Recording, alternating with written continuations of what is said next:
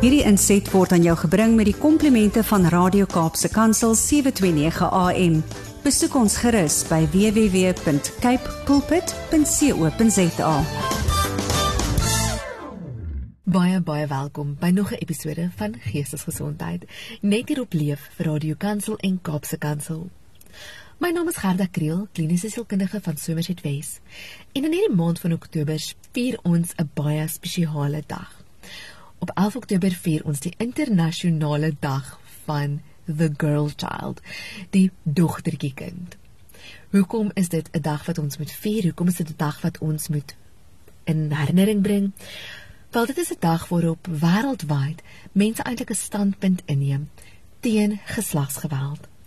En daarom het ek dit goed gedink om in Oktober ons fokus te skuif op hierdie onderwerp, hierdie onderwerp van geslagsgeweld wat nie net te doen het met geestesgesondheid nie, maar ook baie diep gesetel is in ons kulturele en sosiale weefsel as samelewing. Nou geslagsgeweld is nie uniek tot Suid-Afrika nie. Wêreldwyd word daar beraam dat 1 uit 3 vrouens op 'n stadium in hulle lewenstyd geslagsgeweld aan blootgestel gaan word. Dit beteken dat hulle of fisiese of seksuele geweld in hulle huwelik of in hulle lewenspad gaan ervaar of van 'n maat af of soms van 'n vreemdeling af. Geslagsgeweld in Suid-Afrika is baie baie hoog. Nou wanneer is ietsie geslagsgeweld? Geslagsgeweld vind plaas wanneer daar teen 'n persoon opgetree word in 'n aggressiewe manier wat as gewelddadig gesien word as gevolg van daardie persoon se geslag of as die geweld waaraan iemand blootgestel is disproporsioneel daardie persoon se geslag affekteer. Voorbeelde hiervan kan sielkundige geweld wees, wanneer iemand emosioneel manipuleer word, wanneer iemand emosioneel seer gemaak word. En dit is 'n baie subtiele vorm van geslagsgeweld.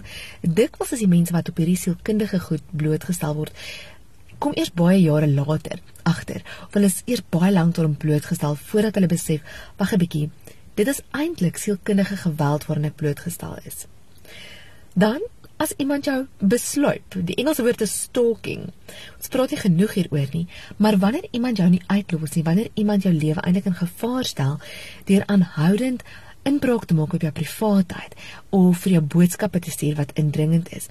Ons doen dit stalking en dit is ook 'n vorm van geslagsgeweld. Ons weet dat fisiese geweld ook 'n vorm van geslagsgebaseerde geweld is.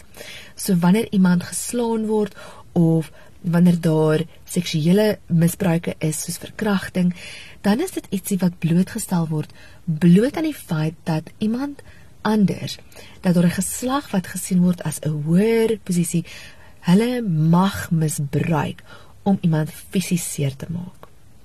Huwelike wat afforceer word, met ander woorde waar jy nie die keuse kry met wie jy wil trou nie, is 'n vorm van geslagsgeweld.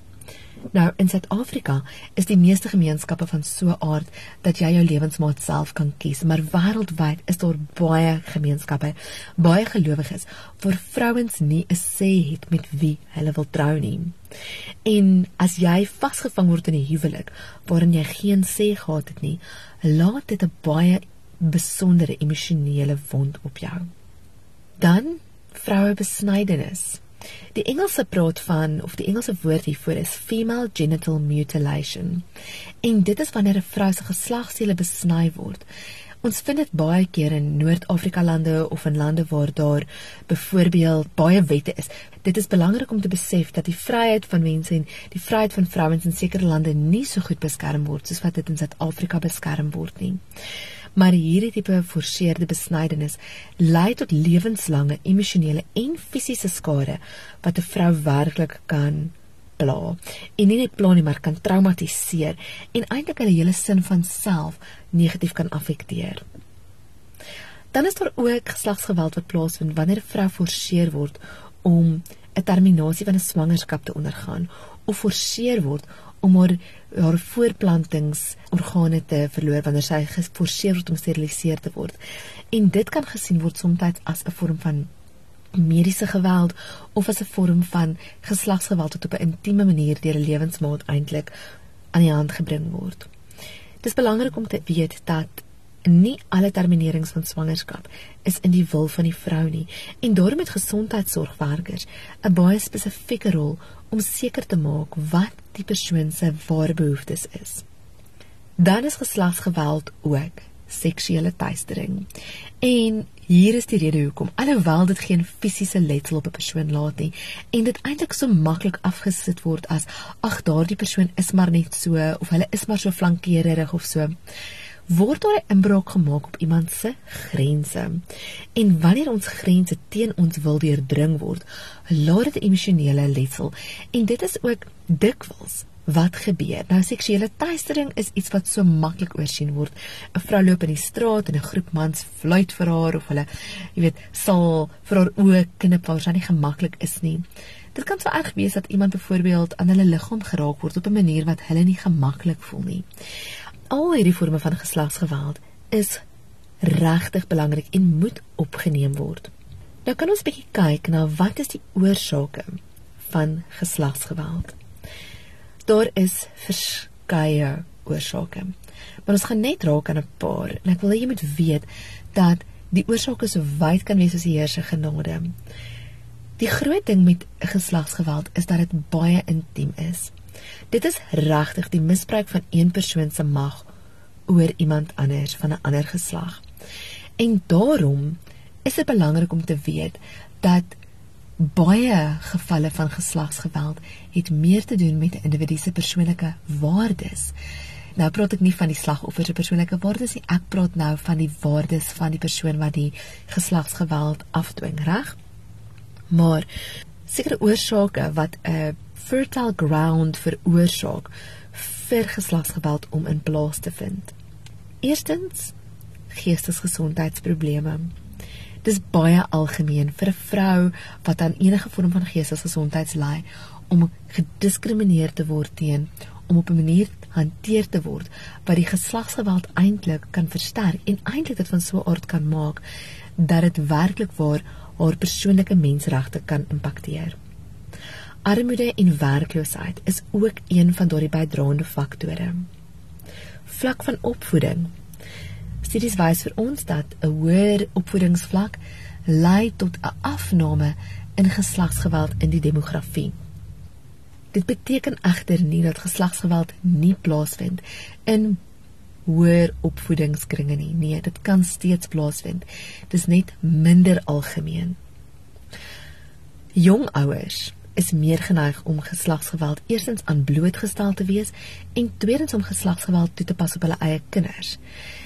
En ons kan baie hieroor praat. Dit is 'n ouerskap is 'n baie wye veld, maar ons moet sensitief wees vir die verskille in hoe ons ons seuns en ons dogters grootmaak en hanteer. Dan wanneer daar historiese faktore is. Byvoorbeeld 'n man of 'n vrou wat grootgeword het in 'n huis waar daar geslagsgeweld modelleer is, is meer geneig om geslagsgeweld toe te pas in hulle eie huwelike, in hulle eie verhoudings en lewens dan is daar ook kulturele faktore. In sekere kulture word geslagsgeweld gesien as die norm. Ons het net nou gepraat oor byvoorbeeld vroue besnydenis. Nou, dit is nie iets wat vrylik in Suid-Afrika plaasvind nie, maar in sekere kulture is dit die norm. En is dit werklik iets wat 'n mens moet mooi na kyk? Selfs die mishandeling van vrouens binne die huwelik, daar is sekere kulture waar dit die norm is vir 'n vrou om fisies deur haar man dissiplineer te word wanneer sy hom ontevrede maak.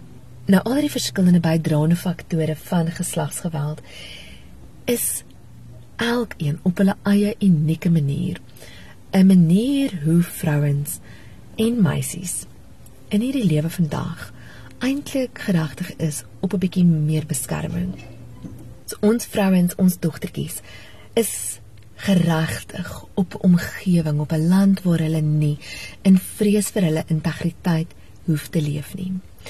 Dit is my wens, dit is my gebed dat elke vrou in vryheid kan beweeg en dat ons sal begin as gelowiges ons stem te gee vir organisasies en mense wat wil verandering bring in hierdie sfeer van geslagsgeweld. Volgende week gaan ons die kring 'n bietjie nouer trek en ons gaan kyk na spesifiek geslagsgeweld in Suid-Afrika. Wat is dit? Hoe lyk dit?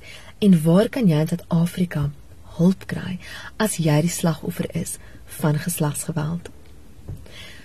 Baie dankie dat jy vandag saam met ons luister oor na hierdie belangrike onderwerp en as jy aangeraak is, wil ek jou regtig vra reik uit na die radiostasie toe. Stuur vir Andrea e-pos. Maak seker jy praat met ons want hierdie is 'n onderwerp wat ons almal raak. Ons almal ken 'n vrou of is 'n vrou. Maar ons het almal 'n ma en ons ken almal susters en tantes. Niemand van ons is immuun teen die effek van geslagsgeweld wanneer dit so kultureel die norm is soos wat dit in ons land is nie. Mag jy aangeraak word om saam met ons op te staan hierteen. Ek is Gerda Kriel, kliniese sielkundige in Somerset West. En ek sien uit om hierdie maand verder saam met jou te kuier. Mag jy die Here se Shalom vrede ervaar in hierdie week wat voor jou lê. Totsiens. Hierdie inset was aan jou gebring met die komplimente van Radio Kaapse Kansel 729 AM. Besoek ons gerus by www.cape pulpit.co.za.